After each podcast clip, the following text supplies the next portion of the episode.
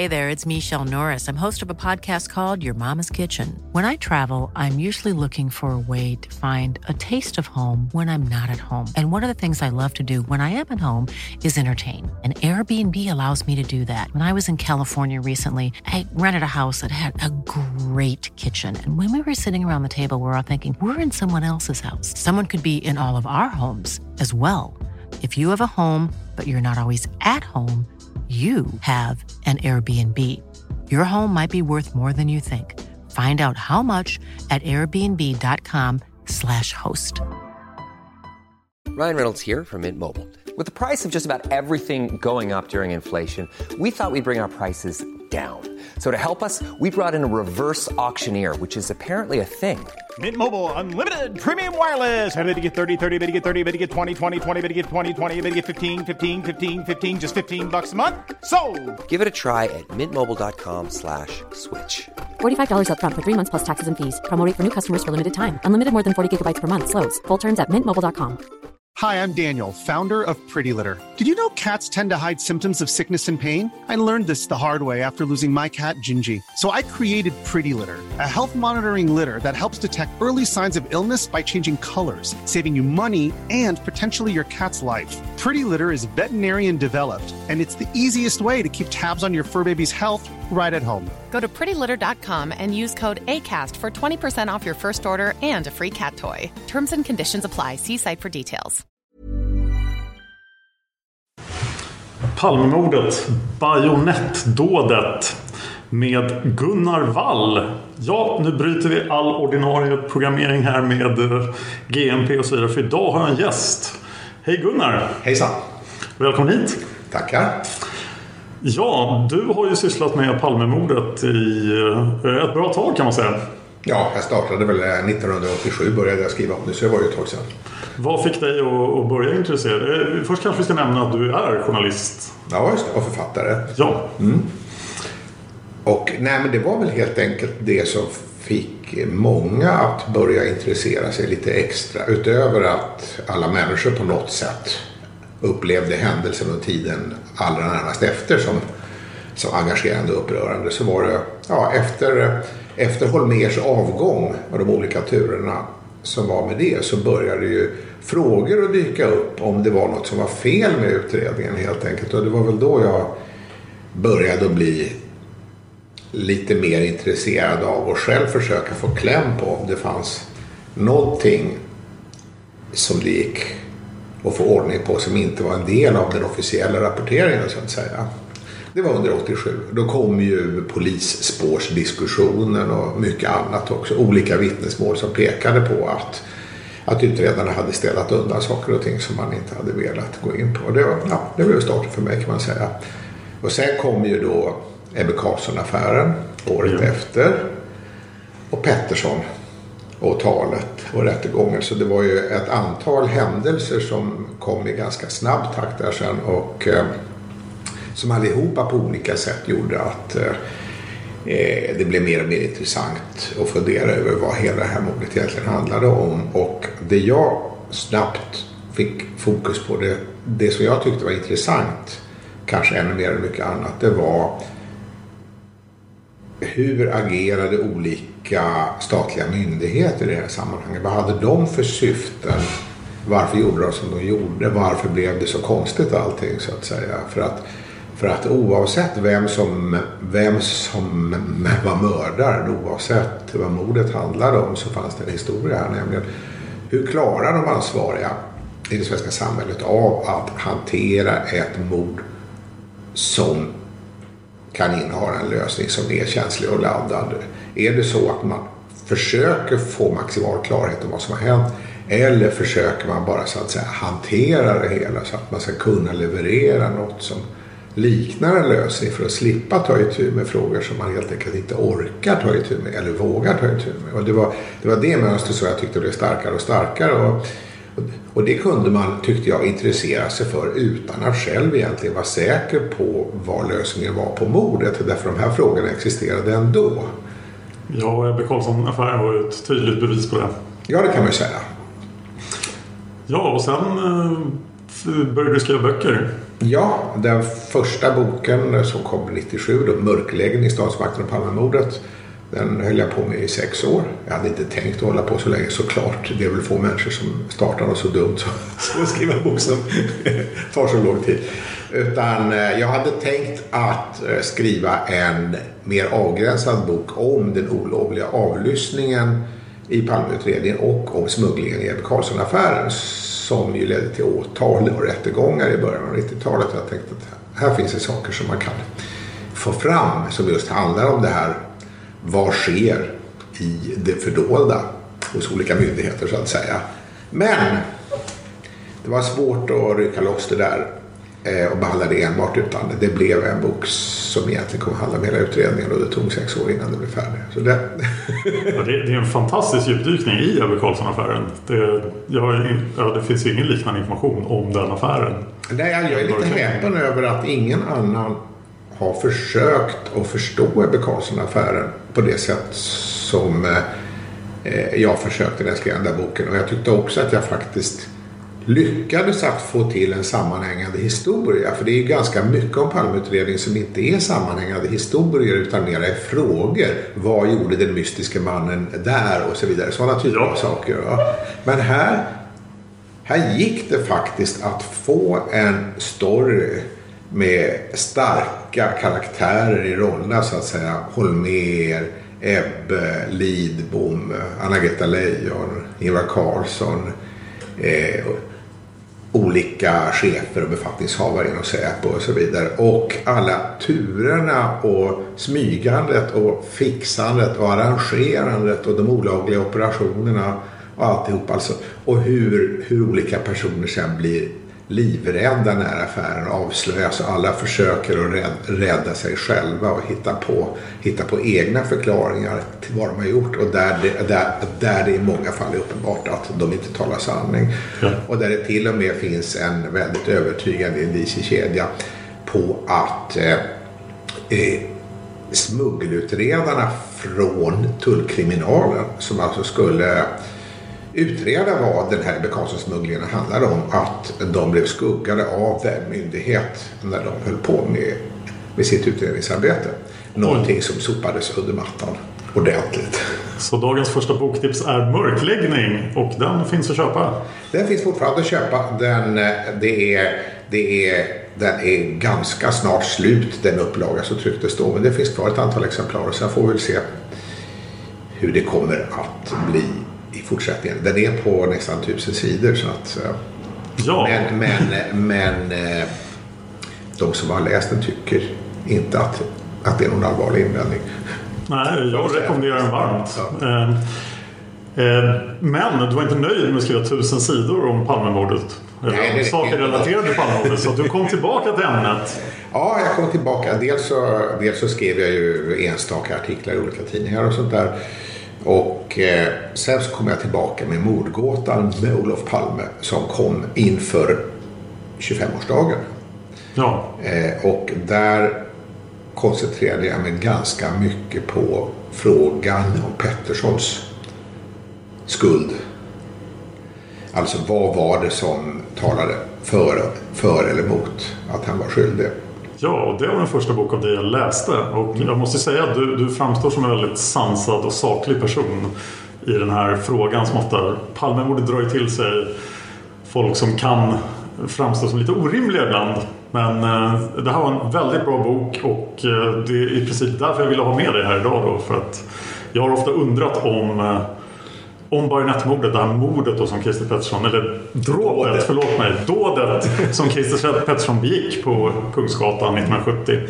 Där han faktiskt dödade en människa och mm. parallellerna mellan det och Palmemordet och mm. hur, hur eh, själva akten att döda någon gick till mm. i de här sammanhangen. För det skriver jag om i den boken rätt så utförligt och det var samma sak där att jag var lite överraskad över att fastän det där dådet hade nämnts i väldigt många sammanhang då så hade jag aldrig läst någon ordentlig beskrivning av vad som hade hänt. Så att jag gick och letade i akterna och fick fram förundersökningsmaterialet och domen och så här. Och fick en, tycker jag själv, en eh, rätt så klar bild av vad det handlade om. Och eh, det var inte den bilden som har funnits i den offentliga diskussionen.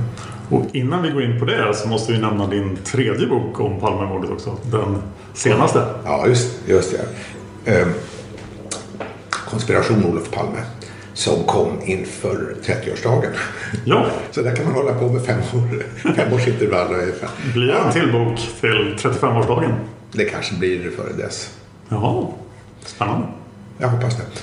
För att nu har jag fått in så väldigt mycket tips och synpunkter och berättelser från olika människor som hört av sig till mig. Vilket jag uppskattar jättemycket och tackar för vill jag säga. Och i det materialet så finns det, finns det tillräckligt mycket för att eh, det går att skriva åtskilligt mer. Det handlar bara om att arbeta igenom det och se, och se vad som jag tycker är hållbart, vad som är mindre hållbart och hur det ska läggas upp och så vidare. Så att eh, det handlar mer om att få tid än om någonting annat. Ja, det Det finns saker att berätta. Hur mycket av din tid ägnar du åt Palmemordet? Ja, det, alltså jag kan ju säga jag har ju skrivit böcker om andra saker också. Och när jag har gjort det då har jag ju inte sysslat så mycket med Palmemordet. Men sen händer det hela tiden att det ramlar över mig ändå att människor ringer och skriver. Och då får jag ju ta med den tid som finns. Va?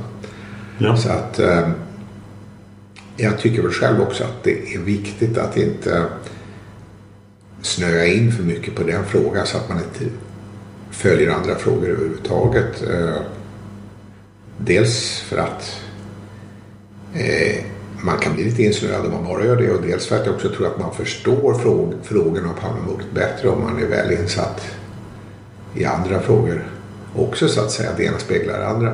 Eh, men eh, men eh, samtidigt är det ju så att när man sysslar med Palmemordet så sysslar man med så väldigt många olika typer av infallsvinklar. Så det känns ju inte som ett enda ämne. Det är ju, det är ju inrikespolitik, utrikespolitik, eh, psykologi, ballistik, jag vet inte vad. Men det är ju, allting dyker upp i olika former. Eh, man får eh, sätta sig in i lagstiftning, i olika speciella saker, eh, i, i hur rättegångar funkar och allting. Alltså det är ju så väldigt många saker om man eh, om man har ambitionen att försöka beskriva det här ämnet på ett någorlunda avvägt och seriöst sätt. Så att det, jag känner ju inte som jag håller på vid Sveavägen hela tiden utan det snirklar iväg åt alla möjliga håll så att säga. Vad, vilka andra ämnen har du skrivit böcker om? Jag har eh, skrivit ett antal böcker bland annat om spioner, bedrägerier, eh, olösta mord. Eh, Jag har skrivit om 11 september. Jag har skrivit om fiaskon. Jag har Intressant. skrivit, ja, jag har, skri, jag har skrivit om konspirationer där jag tagit upp ett antal exempel på konspirationer och diskussioner om konspirationer. I vilken mån finns det konspirationer i samhället? För där, där finns det ju också väldigt långtgående och, och överdrivna och snurriga föreställningar samtidigt som det finns en officiell etablerad bild som går väldigt långt åt andra hållet. Att man alltid avfärdar allting som snurriga konspirationsteorier även om det inte är det. Så att, Ja. Och det har ju att göra med att vi människor vi har ju en tendens att eh, försöka beskriva saker och ting på ett sätt som ska gynna oss själva. Vi har en tendens att samarbeta med vissa personer och hålla andra personer utanför. Det där är ju liksom, det finns ju överallt så att säga och det finns Absolut. både på individnivå eh, och i samhället i stort. Och eh, det är ofta ganska lätt när man tittar på äldre historiska skeenden så kan man ju se hur kungarna håller på eh, håller på med olika saker, intrigerar och försöker störta varandra. Om någon inte är kung utan det är hans bror som är kung, då ska han ju göra någonting så att han kan överta kungatiteln och så vidare. Det händer ju jämt. Va? Ja. Och man sprider lögner och man startar krig av falska skäl och så vidare. Men, men eh, det är ofta så att i ett samhälle så, så tenderar ju väldigt många personer som känner sig ansvarsfulla för att ja, det där kanske kan vara sant i avlägsna länder och i diktaturer eller i äldre tider. Men inte här. För här är vi demokratiska och genomskinliga och normala. Och så är det ju inte alltid. Det är också ett intressant ämne. Ja. Eh, Om man vill följa det du gör, då ska man följa din blogg, eller hur?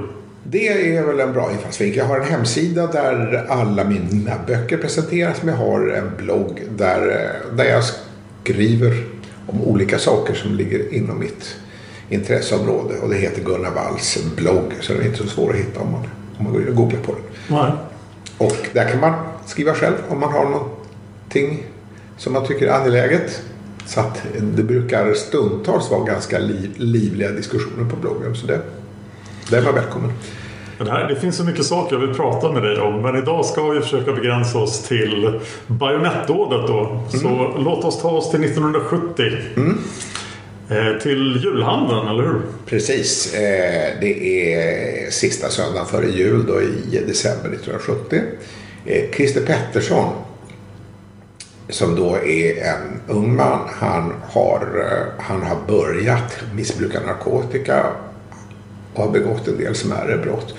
Och han missbrukar någonting märkligt. Eh, Preludin bland annat som alltså är, är en amfetaminliknande ämne som, alltså en form av uppåttjack som, som på 60-talet var väldigt vanligt i Sverige för det ansågs vara en medicin som var bra emot i stort sett allting. Okej. Eh, Det var bra om man eh, ville gå ner i vikt. Det var bra om man, eh, om man, om man skulle hålla sig vaken. Ja, alltså det var en massa saker. Och, Ja, det låter eh, jättebra. Ja, och det stämde väl delvis naturligtvis. Som det gör med del narkotika. Det kan ha vissa positiva effekter som folk upplever i början. Ja. Men, men eh, ja, i alla fall. Han, eh, han hade hamnat eh, på Ulleråkers sjukhus i Uppsala. Eh, Vad gjorde han där? Ja, han hade hamnat där efter en dom helt enkelt. Och så, men han ansåg, ansåg inte vara så farlig så att eh, han hade inte så svårt att rymma. Så att han stack ner till Stockholm och började att knarka, vilket var det han var intresserad av. Ryan Reynolds här från Mint Mobile. With the price of just about everything going up during inflation, we thought we'd bring our prices down. So to help us, we brought in a reverse auctioneer, which is apparently a thing. Mint Mobile unlimited premium wireless. Ready to get 30, 30, bit to get 30, bit to get 20, 20, 20, bit to get 20, 20, bit to get 15, 15, 15, 15 just 15 bucks a month. So, Give it a try at mintmobile.com slash switch. $45 upfront for three months plus taxes and fees. Promo rate for new customers for limited time. Unlimited more than 40 gigabytes per month. Slows. Full terms at mintmobile.com. Hey, it's Ryan Reynolds, and I'm here with Keith, co-star of my upcoming film, If, only in theaters May 17th. Do you want to tell people the big news? All right, I'll do it. Sign up now and you'll get unlimited for $15 a month in six months of Paramount Plus Essential Plan on us. Mintmobile.com slash switch. Upfront payment of $45 equivalent to $15 per month. Unlimited over 40 gigabytes per month. Face lower speeds. Videos at 480p. Active Mint customers by 531.24 get six months of Paramount Plus Essential Plan. Auto renews after six months. Offer ends May 31st, 2024. Separate Paramount Plus registration required. Terms and conditions apply if rated PG. Millions of people have lost weight with personalized plans from Noom, like Evan, who can't stand salads and still lost 50 pounds. Salads, generally, for most people, are the easy button, right? For me, that wasn't an option. I never really was a salad guy. That's just not who I am. But Noom worked for me. Get your personalized plan today at Noom.com. Real Noom user compensated to provide their story. In four weeks, the typical Noom user can expect to lose one to two pounds per week. Individual results may vary. Ja. Eh, och han eh, hade dessutom planer på att hälsa på sin familj. Han hade ju föräldrar och två systrar. Och de här systrarna är väsentligt yngre, eller hur? Ja, eh, Eller en av dem. En syster var tio år vid den här tiden och henne kände han varmt för och det kommer igen sen. Eh, han begav sig inte hemåt då för han tänkte då kunde han ju bli tagen väldigt lätt utan han höll sig på andra ställen i Stockholm. Och eh, det är väl tveksamt om han sov så mycket. Utan han höll nog ganska mycket på dygnet om på det sätt man ofta gör när man håller på med uppåtjack. Han Men- lollar runt och är hög i Stockholm. Ja, precis. Och eh, han hade en kontakt, en äldre skådespelare som bodde på Smala gränd på andra sidan av Brunkebergsåsen ifrån Palmemordsplatsen till så att säga, man säger så.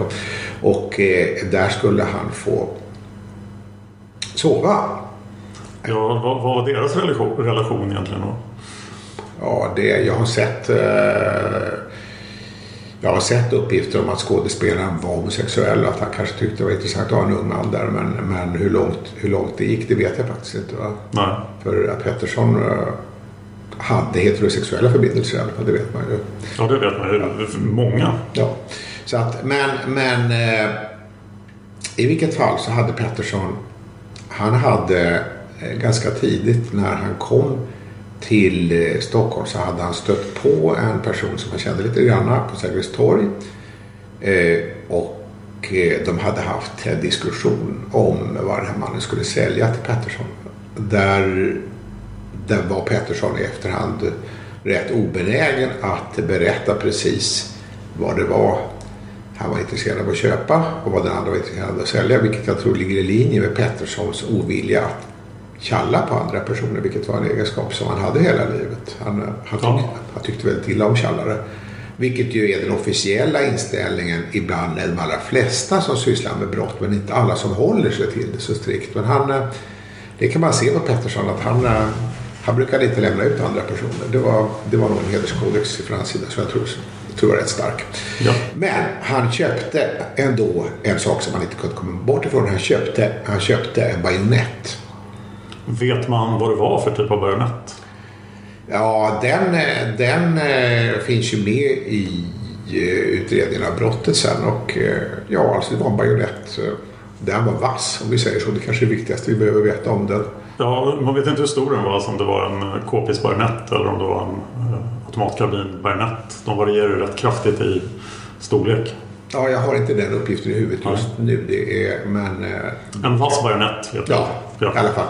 Och då säger Pettersson i polisförhör efteråt att han, eh, han visste inte vad han skulle ha det där till riktigt. Så att han, men han tänkte att han blev erbjuden att köpa det för en tia. Och till och med 1970 så var inte det så hemskt mycket pengar. Så att han tänkte okej, okay, det kan jag väl göra då. Så att, eh, och kan ha varit för att han kände att han var, den här människan var en vän eller en bekant som behövde pengar och jag köper någonting. Ungefär, det kan man spelat in. Va? Ja. Och i vilket fall så visade det sig att Pettersson, han tyckte inte att det var någon vidare klok idé att gå omkring med den och det var det definitivt inte. Så att han, han hade ett skåp på Centralen där han la bajonetten. Och det här skåpet var i princip det han levde ur. Alltså där hade han det han inte bar omkring på. Ja, just det. Medan han lallade runt hög i Stockholm. Just det. Och sen hade han bestämt sig för att han ändå tänkte besöka familjen i samband med julafton eller strax före. Så att han, han hade köpt presenter till lilla syster. Ja. Som han också la in i skåpet. Vet man vad det var för presenter? Eh, skulle varit en nallebjörn bland annat har, har jag sett uppgift på. Ja. Så att, men, men alltså det, det var leksaker helt enkelt. Och, ja, eh, så, någonting som ja, en tioårig flicka skulle uppskatta. Ja, precis.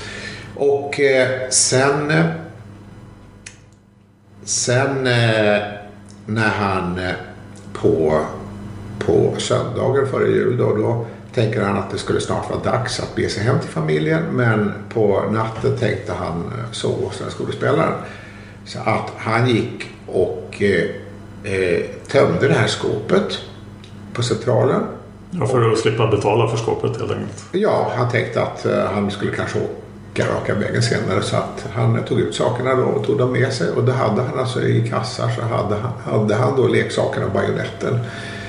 Eh, och sen gick han, eh, sen eh, han hade en affär med en langare som han skulle möta i Humlegården som han hade planerat in också. Han tänkte att han skulle fixa senare på kvällen. Mm. Men, han, eh, men, men han, eh, han ville också ha lite öl så han gick och handlade på Martin Olssons livsmedelsbutik i T-baneplanet vid Hötorget. Ja.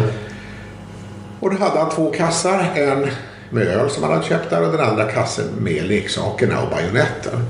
Ja. Och så kommer han upp på Kungsgatan utanför Ströms herrekipering i hörnet av Kungsgatan Sveavägen och svänger in på Sveavägen för att ta tunneln hem till den här skådespelaren på andra sidan Brunkebergstunneln. Just det. Är han då på Kungsgatan eller på Sveavägen?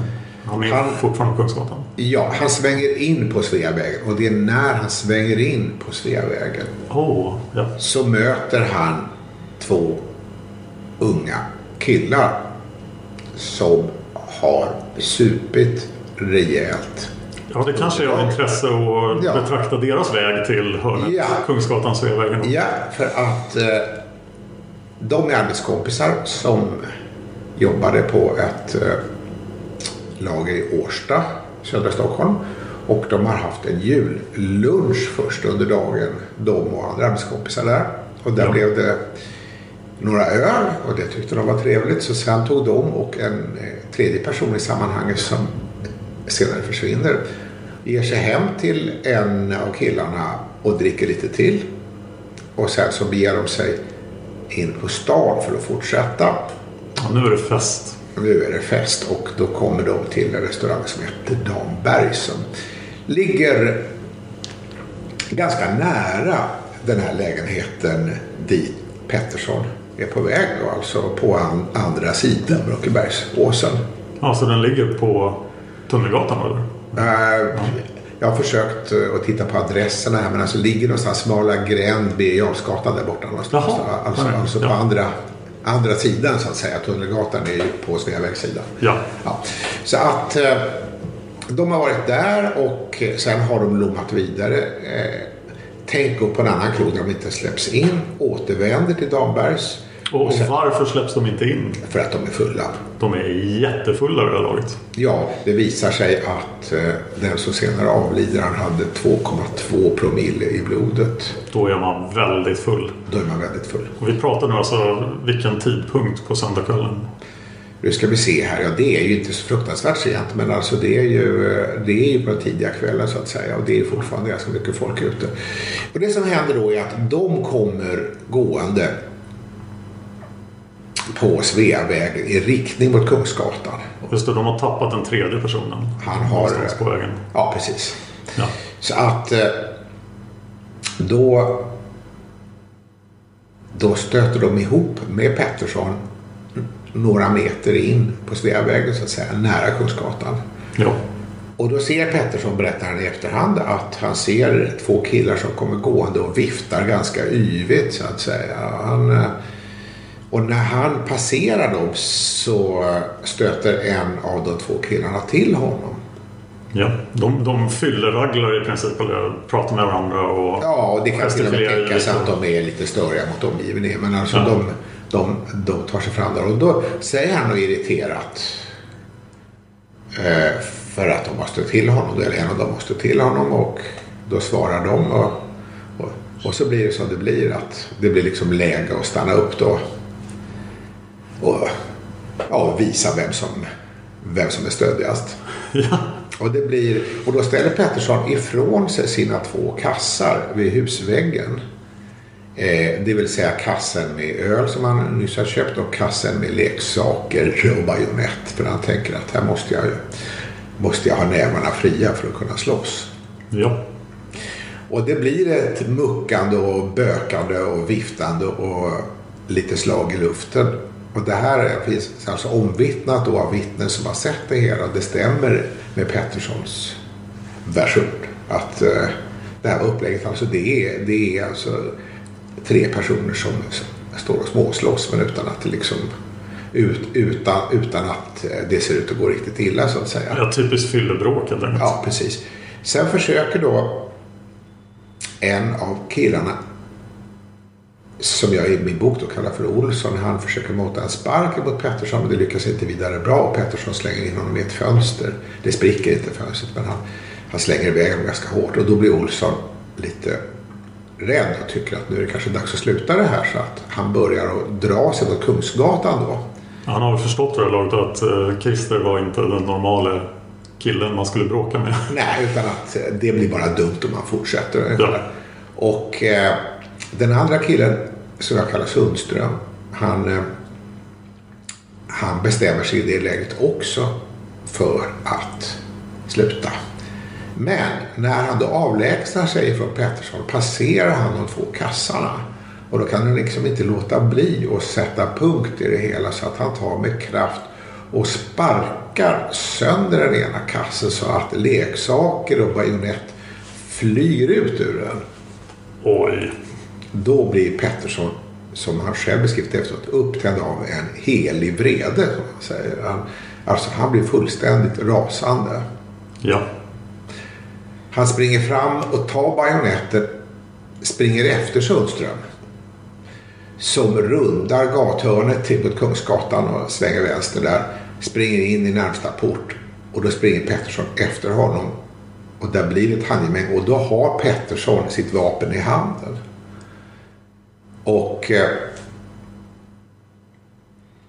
det slutar, det slutar efter ett litet tag, eh, den här striden och Sundström eh, kliver ut ur porten och eh, vacklar ut på Kungsgatan. Enligt- bilarna. Ja, just. Enligt Pettersson själv då. Han, han vet inte riktigt vad han har gjort med vapnet. Säger han själv. Och det här är väldigt svårbedömt för den som inte var med så att säga. Men han... eh, Han ser att Sundström faller omkull och att en taxi stannar. Och då tänker han oj, det här var inte bra. Det här har liksom gått fel. Ja. Då förstår han att han kan ha gjort något allvarligare än vad han tänkt sig göra innan i alla fall. Så att han börjar att springa sin väg och eh, då är det, finns det folk som tar upp förföljandet. Men inte med så fruktansvärt stor energi eller i alla fall inte med framgång. Och han flyr in då i tunneln. Alltså han tar då Tunnelgatan in och springer in i tunneln. Det vill säga den vägen han ursprungligen hade tänkt sig att han skulle ta Ja. för att komma hem till den här skådespelaren. Så han det- springer alltså förbi eh, Palmes mordplats. Ja. In på Tunnelgatan. Ja, alltså han flyr. Den första delen av hans flykt är ju identisk med Palmemördarens flykt. Det vill säga från eh, korsningen Sveavägen och Tunnelgatan där. Och in, Ja, och det här- fram emot tunneln så att säga. Eller, Ja. eller, eller inte den första delen av hans flykt. Men alltså, alltså den delen av hans flykt är lika med den första delen av mördarens flykt. Ja. Och, eh, och han behöver alltså inte springa trapporna upp utan han springer in i tunneln Ja, istället. för nu är det så tidigt på dagen att tunneln fortfarande är öppen. ja, vilket ja, inte var vid mordet på Olof Palme. Just det. Och jag vet inte om det var riktigt samma tider vid den tiden 1970 heller. Men det var i alla fall öppet då. Ja. Så att han springer genom tunneln och han blir då rädd för han slås av tanken när han, när han springer genom tunneln. Tänk om porten till, till skådespelarens hus är låst. Just det. Men det är det inte utan han, han är inte förföljd längre då. Han kommer in, kommer in i porten, kommer hem till skådespelaren och, och där söker han skydd ett tag. Han är då helt förvirrad uppenbarligen i början. Så kommer han på att han hade ju en, han hade en träff med en langare i Humlegården. Ja. Och eh, som han är sen till då för att han har stannat ett tag i skådespelarens lägenhet. Och då ber han sig ut och han är kallblodig nog att låna en annan jacka då. Så han inser att han kan vara efterspanad. Ja, det är ganska kallblodigt. Ja, och eh, eh, sen kommer han tillbaka då till lägenheten och sen så sen får han se i tidningen dagen efter att den här mannen har dött och då förstår han ju att, att det är allvarligt det hela. Och han håller sig undan ända tills han blir tagen efter, efter ytterligare några dagar och då erkänner han det hela. Vad är det som leder till att han blir tagen? Ja, det är olika spaningsåtgärder från polisen då. Eh, jag har inte riktigt lyckats, lyckats att få fram vad det är för någonting. Och det kan ju till exempel bero på att det kan ha varit någon som har tipsat och inte velat ha sitt namn i, i utredningen. Det är inte ovanligt att det är så. Det är inte alltid det står precis hur, hur spaningsarbetet leder fram till någonting. Men, men, men han blir tagen och han blir åtalad för mord. Ja. Men men det leder till en dom där rätten finner att eh, han bör dömas för dråp.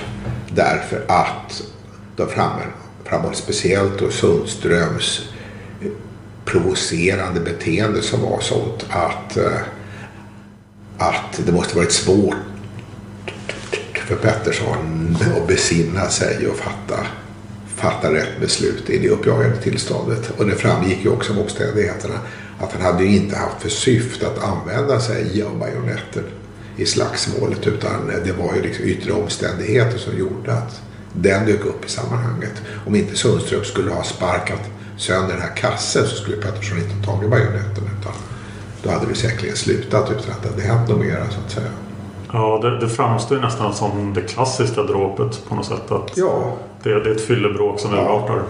det var dråp i den meningen att, att, att det borde ha stått klart för Pettersson att om man har en bajonett i handen och slåss med någon är det ju väldigt stor risk att man kommer att döda den andra personen.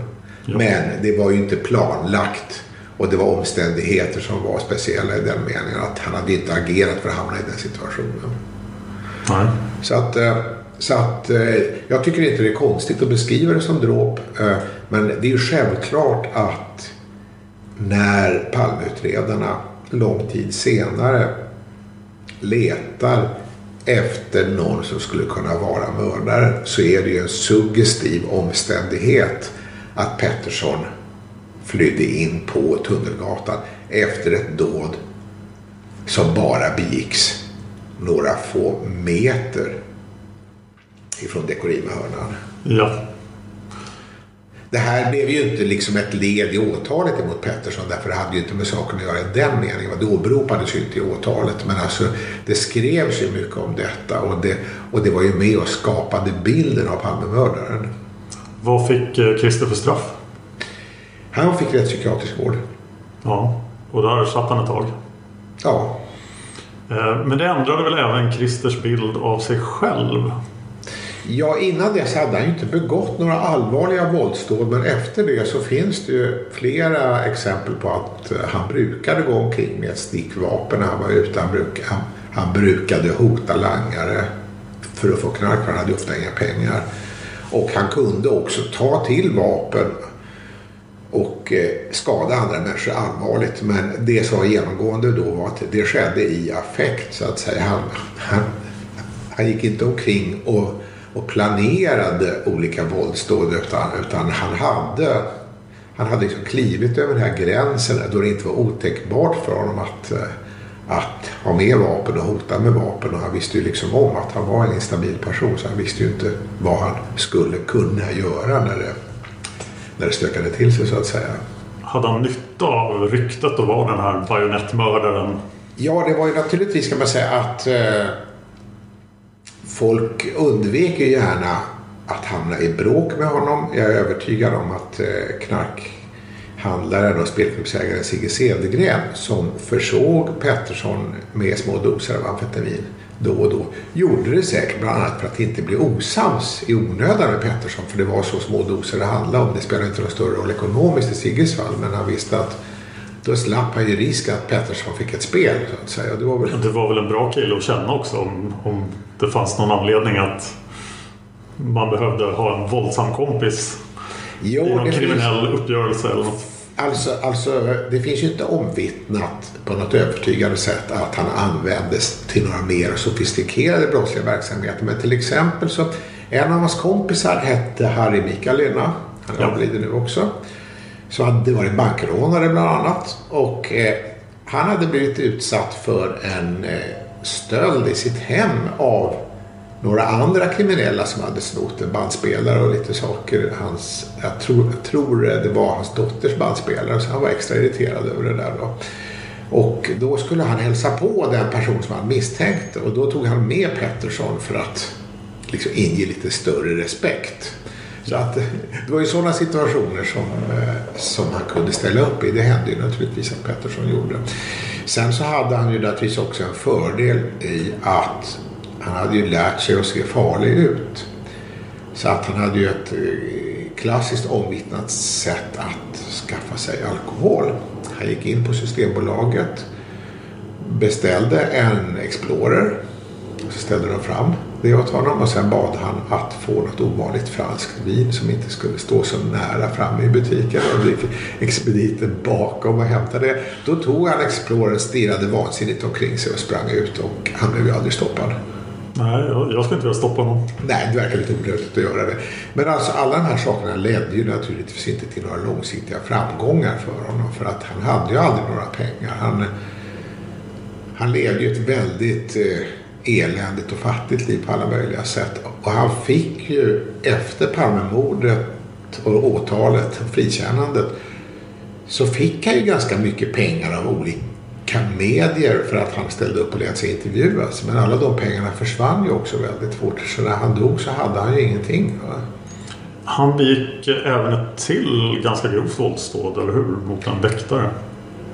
Jag vet att det var en, eh, det var en eh, langare som han nästan dödade. Var det langare? Ja, men eh, det, alltså, det fanns ju flera våldsbrott i hans, i hans lista så att säga. Samtidigt som han väl i takt med stigande ålder hade börjat att eh, lugna ner sig något eh, en bit in på 80-talet. Så att de saker som han bland annat hade dömts för alltså un, under 86 det var sådana saker som att ha pissat på ett restaurangfönster att ha hotat en civilklädd polis med skohorn, att ha slagit ner en systembolagskassaapparat i golvet och sådana saker. Ingenting av det är ju liksom några storslagna brott så att säga. Nej, inga kupper mot kasinon. Nej, så att, men alltså det var väl bilden att han, eh, han hade han hade ju inte förmågan att utföra några sådana brott. Sen finns det ju, en, finns det ju eh, spekulationer om att han skulle ha ägnat sig åt väldigt avancerade planer på brottslighet. Till exempel att han skulle ha spionerat på Palme för Tingströms räkning. Då bomb, bomb. Just det, bombmannen. Mannen Tingströms räkning. Till exempel så skrev ju Ulf Dahlsten som var statssekreterare på Palmes tid. Han skrev en artikel i Dagens Nyheter eh, nu i år eh, med uppgifter som pekade på att Pettersson skulle varit inne på statsrådsberedningen eh, flera år före Palmemordet och hört sig för om Palme brukade vistas i vissa utrymmen där och det skulle enligt, enligt Dahlstens eh, spekulationer då ha haft att göra med att Pettersson hade börjat och förbereda ett attentat för Tingströms räkning redan, redan någon gång får vi tänka oss då antagligen 83, 84 eller någonting sånt där. Oj. Eh, jag tror inte särskilt mycket på de här uppgifterna faktiskt. Vi ska återkomma i den här podcasten till ja. Eh, Tingström och Christer Pettersson. Så det här är bara en försmak. Ja. Eh, så. Men han kände Tingström, det gjorde han definitivt. Alltså det är ju sant att han gjorde. Ja, det finns ju i husrannsakan finns det brev från Lars Tingström? Ja, ja. Jo, alltså de, de hade skrivit en del brev till varandra. De hade suttit i fängelse tillsammans och sådana saker. Men den stora frågan är, var det så att Pettersson agerade, agerade för Tingströms räkning? Var det som Pelle Svensson till och med skriver i sin bok att Tingström hade, hade gjort upp en plan att Pettersson skulle mörda kungen, Palme och justitieministern som hänt på samhället och att Pettersson skulle ha åtagit sig här. Och det, det tror inte jag. Vi behöver inte uppehålla oss längre vid det här som du säger. Men det, Nej, min, spontana, min spontana reflektion att det, det kanske var den enda person som Tingström fick tag på att ge det här uppdraget. Men det låter ju ändå som en ganska ganska dålig utförare av en sån plan. Det är så här, ah, jag ja. tänkte att Christer skulle mörda kungen och Palme men uh, han gav sig iväg. Ja, och då får han satt och knarkade istället. Då får vi förutsätta att Pettersson i sådana fall kanske i, i flera år skulle haft det här uppdraget liggande. Att han hade undvikit att göra alla de sakerna skulle kunna ha gjort. Nämligen att hänga vid Palmes lägenhet eh, gått på olika möten där Palme var och så vidare och i något av de sammanhangen passat på att göra det. Utan istället ska vi då tänka oss att han hade det där slumrande uppdraget som kom till sin fullbordan när Palme råkade gå på bio och Pettersson råkade vara i närheten och tänkte visst jag har ju det här gamla uppdraget att mörda Palme och så skulle han, skulle han då ha gjort det. Och det Alltså det finns ju väldigt många olika teorier om Pettersson om varför han skulle ha mördat Palme. Det kan man ju nämna här i sammanhanget. Det finns ju två så att säga huvud huvudscenarion som inbördes väldigt olika. Det ena är att han skulle haft ett uppdrag från Tingström att utföra ett attentat så att säga. Det andra är att Pettersson trodde att det var knarkhandlaren Sigge Cedergren som han av någon anledning var ute efter och såg fel på Cedergren och Palme så att säga och sköt fel man. Ja. Och det, alltså, det säger lite grann om eh, de stora luckorna i den bevisning eller vad ska säga som finns mot Pettersson. Att de två teorierna har liksom länge existerat sida vid sida så att säga. Vi ska återkomma till Sigge Cedergren-spåret också och alla förhör med Sigge. Ja. Det är en intressant karaktär. Onekligen. Jag förvarnade eh, mina sponsorer på patreon.com palmemordet att du skulle komma och eh, fick några frågor. Ja. Är du beredd att besvara dem? Jag kan försöka. Ja, vad, vad tror du om Christer A. GH som gärningsman i ja, Palmemordet? Det var ju i och med gärningsmannaprofilen som togs fram på 90-talet i Palmeutredningen så gick ju utredarna igenom ett antal personer som skulle stämma på den profilbilden, alltså den psykologiska profilbilden eh, Eh, som hade tagits fram åt utredningen. Då hittade man en man eh, som också heter Christer, alltså Christer A om vi kallar honom för det här, som eh, eh numera inte lever. Han tog livet av sig senare och eh, som eh, skulle enligt vissa, mm, vissa uppgifter då, då ha varit mördaren egentligen. Han hade drabbats av ekonomiska bakslag som har skyllt Palmes regering på. Det är en teori som har, har åberopats här. Han var det finns uppgifter om att han skulle skjutit på sin TV då Palme syntes i TVn. Det är obekräftat om han verkligen gjorde så. Eh, men eh, och det finns en rad uppgifter om att han eh, att han var en instabil och samhällshatande person som bodde i grannskapet dessutom. Eh, det finns egentligen inte några eh, tunga substantiella omständigheter som binder honom till Sveavägen. Och det är väl, det är väl en invändning menar jag som gör att, eh, att jag är skeptisk. Eller jag säger så här, visst man måste ju ta alla tänkbara gärningsmän på allvar så att säga. Men jag tycker inte att han, eh, att han liksom lyser som en sån stjärna över alla andra tänkbara alternativ. Och det andra är att eh, det finns omständigheter omkring själva mordet som gör att jag har lite svårt att få till det här med en ensam gärningsman överhuvudtaget. Och ja. i hans fall handlar det entydigt om att han skulle vara en ensam gärningsman. Men alltså ja, om vi rör oss med ensamma gärningsmän så att säga så är det klart att han är ett av de namnen som finns med i diskussionen. Absolut. Han verkar ha stora problem att samarbeta med någon. Ja. Eh, om du ska nämna tre spår i Palmemordet som du tycker det finns substans i. Vilka tre skulle det vara? Ja, det beror ju på vad man menar med spår för man kan beskriva saker på olika sätt. Men alltså jag menar väl att eh, dels eh, Sydafrikaspåret som ju eh, det har skrivits åtskilligt om är fortfarande av den tyngden och digniteten att eh, man måste eh, måste allvarligt räkna med möjligheten att Sydafrika var inblandat. Och det underströks ju inte minst av att eh, några dagar före mordet så hölls det en folkriksdag mot apartheid, alltså mot det här sydafrikanska rasåtskillnadssystemet i Stockholm där Palme och ledare för ANC var närvarande. Och där Palme höll ett tal där ytterligare underströk vikten av att sätta in internationella åtgärder mot apartheid. Eh, det Jag finns, var väldigt kritisk mot Ja, apartheid. det finns ju uppgifter om att agenter från apartheidregimen skulle ha varit i eh, Stockholm den här tiden. Eh, och, och de uppgifterna kan inte avföras. Samtidigt kan man säga att de skulle kunna varit där för att övervaka den här händelsen utan att vara inblandade i mordet om man så vill. Så att, att man kan inte dra några säkra slutsatser. Men det är liksom ett, ett av de scenarier som jag fortfarande tycker är väldigt starkt. Ja. Det andra som jag tycker är väldigt starkt är att det skulle kunna ha att göra med Palmes Palmes nedrustningsinitiativ. Eh, som ju ytterligare aktualiserades av att Palme skulle till Moskva våren 86 för att träffa Gorbatjov. Som var ledare i Sovjetunionen. I början av april, eller hur? April, ja, ja. precis. Och eh, det här hade väckt en hel del uppmärksamhet i Sverige. Det fanns många som såg det här som ett led i att, att han skulle sälja ut Sveriges nationella oberoende till Sovjetunionen och det fanns uppgifter vid det här taget eh, också om att, eh, att de olika ubåtsincidenterna som ju hade spökat i Sverige under hela 80-talet skulle tolkas som sovjetiska förberedelser för en invasion av Sverige.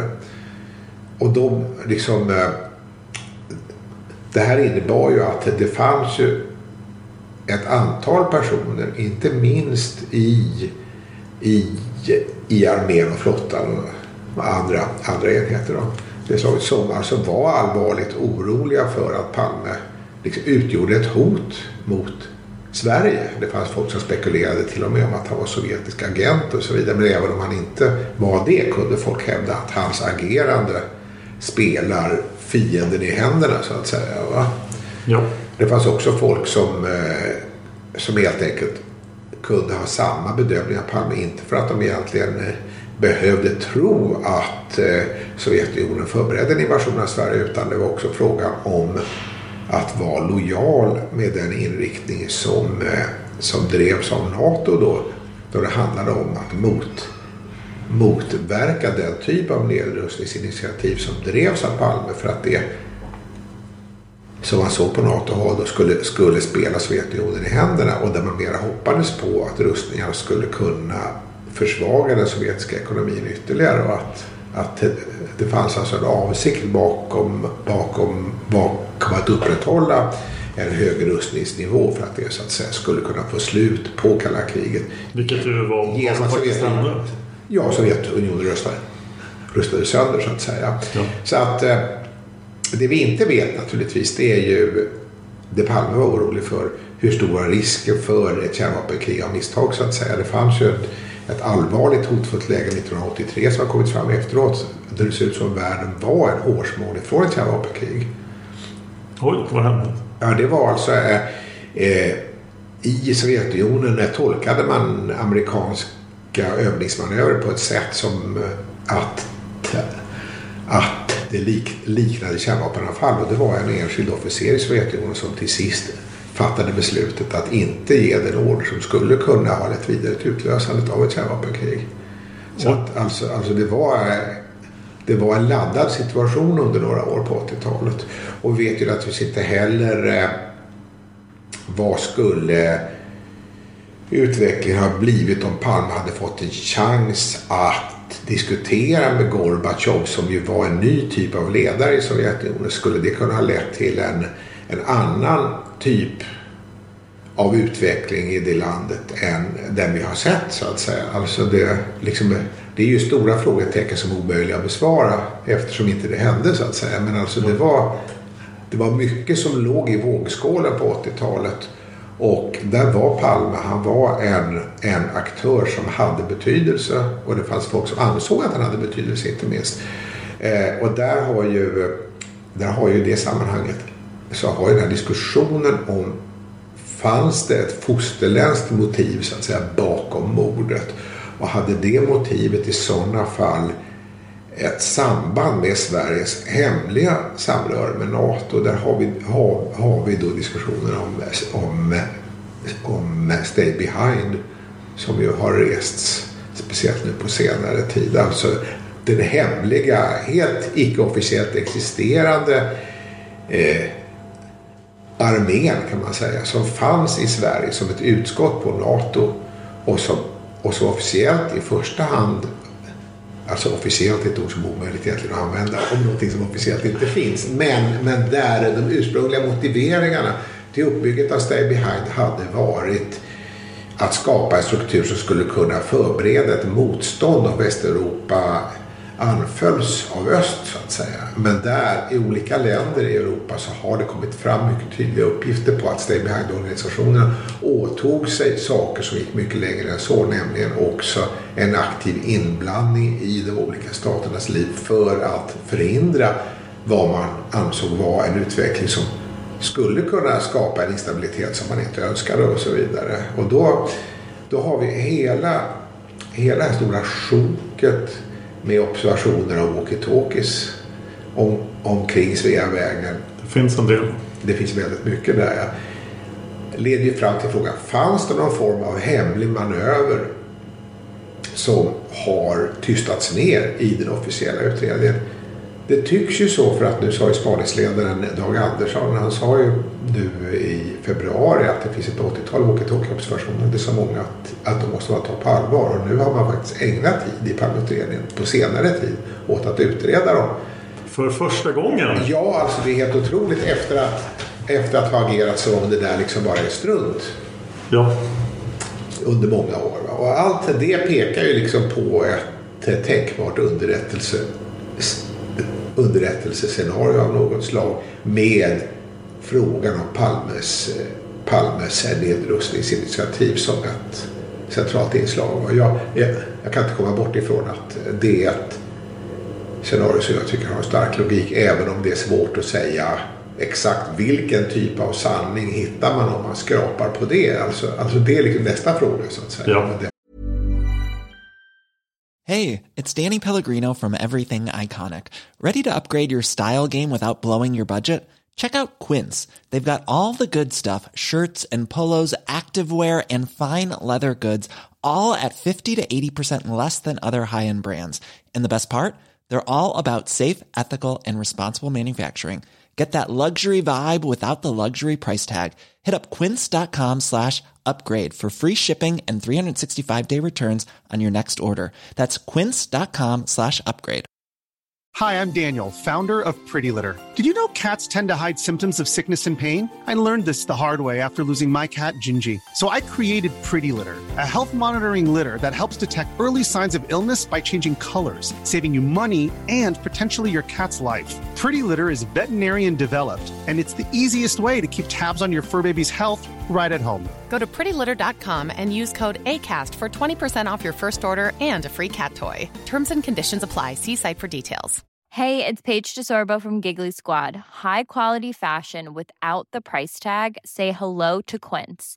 I'm snagging high end essentials like cozy cashmere sweaters, sleek leather jackets, fine jewelry, and so much more. With Quince being 50 to 80% less than similar brands and they partner with factories that prioritize safe ethical and responsible manufacturing i love that luxury quality within reach. Go to quince.com slash style to get free shipping and 365 day returns on your next order.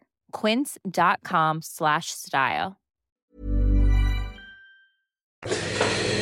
Uh, om man ska ta en, ett eh, tredje alternativ så är det klart att eh, jag tycker fortfarande inte att man helt har klargjort att mordet inte kan ha att göra med de många känsliga turerna kring den svensk, svenska... Äh, kring vapenhandeln? Ja, exakt. Vapenhandeln. För där, där hade man ju både, både smugglingen av vapen till olika länder i Mellanöstern och den här stora svenska vapenförsäljningen till Indien där ju det fanns eh, stora pengar åt mellanhänder. Det blev ju en stor skandal efteråt. I Indien inte minst. Inte i Sverige så mycket men, men eftersom man i Indien hade, hade köpt en massa vapen för en ruskig massa pengar som kunde användas till andra saker och det fanns uppgifter som pekade på att de här vapenköparna hade skett i samband med att vissa inblandade personer stoppat på sig väldigt mycket pengar för egen del. Ja, och där... Det naturligtvis en skandal i Indien, inte lika mycket i Sverige därför, därför att här gav ju, gav ju vapenaffärerna jobb och inkomster åt Sverige och alla var lyckliga så att säga. Men, men alltså det var faktiskt så att det var Palme som var involverad i att se till att den indiska orden gick till Sverige och inte till något annat land. Just det, och Rajiv Gandhi skriver under det här avtalet på Palmes, i samband med Palmes begravning. Ja, ja, exakt. Och det var samtidigt så att Palme hade gjort markeringar om att det inte skulle få vara, vara mellanhänder i de här vapenköpen. Alltså, alltså, han var säkerligen, och med all rätt, orolig för att, för att hans insatser för att ordna en, ordna en exportorder åt Sverige, att, att, att den insatsen eh, skulle leda till saker som var obehagliga, obehagliga för hans image naturligtvis. Om det skulle vara så att vapenköparna var fyllda med mygel och muter. Så han ville väl ha en affär som skulle vara så snygg som möjligt så att säga. Det kan man ju förstå. Ja, och då kan man naturligtvis också tänka sig, och det här är ju, alltså det är inte klart utrett helt enkelt, alltså att kan det ha funnits folk som var så oroliga för att Palme skulle stoppa utbetalningarna åt dem så att de såg till att han blev mördad och att affären skulle kunna gå i land utan att han ställde till det så att säga. Ja. Och det där är ju, det har ju funnits med i utredningen. Det fick Holmer, han fick en del uppgifter om det här under sitt år som spaningsledare. Men han var inte intresserad av det. Nej. Och jag kan inte säga vilken substans det här kan ha. Men innan jag har sett en ordentlig genomgång av vad som hände och det, och det lär vi kanske aldrig få se. Så är det ju svårt att föra det här om man inte hittar en annan lösning. Ja. Den sista frågan då. Vad, vad krävs för att någon ska dömas för Palmemordet? Ja, svenska domstolar har ju fri bevisprövning som det heter. Så att eh, de kan ju alltså, alltså, det finns inte några lagar som säger att man måste ha tekniska bevis eller, eller, eller något sånt där. Det är inte nödvändigt att vapnet dyker upp. Men, men det som krävs är väl en så sammanhängande indiciekedja så att andra alternativ är mer eller mindre uteslutna. Eller alltså, alltså det här hänger egentligen på hur man ska besvara frågan. Det är, det är så jag skulle vilja besvara frågan i alla fall. Ja. Men, men, eh, men eh, man kan naturligtvis också tänka sig att eh, någon döms för mordet på sämre bevisning än så. Det var ju det som höll på att ske menar jag i och med åtalet mot Pettersson om vi ska knyta ihop den här diskussionen lite. Ja. Där jag tycker det fanns väldigt, väldigt allvarliga invändningar emot, emot det. Och då kan man säga så här att, att eftersom Pettersson eh, blev utpekad av Lisbeth Palme så är det naturligtvis väldigt svårt för en domstol att döma någon annan för det. Ja. För att, eh, för att om hon säger nej, det var Pettersson, jag står fast vid mitt utpekande. Då kommer det vara ett väldigt allvarligt skäl till att åtminstone fria, fria gärningsman som, som eh, skulle se annorlunda ut så att säga. Ja. Men om man tänker sig att utredarna en vacker dag hittar en person som är väldigt lik Pettersson. Ja. Så lik honom så att exempelvis Lisbeth Palme säger ja, det skulle lika gärna kunna vara han. Ja. Då kan man naturligtvis, naturligtvis tänka sig att, eh,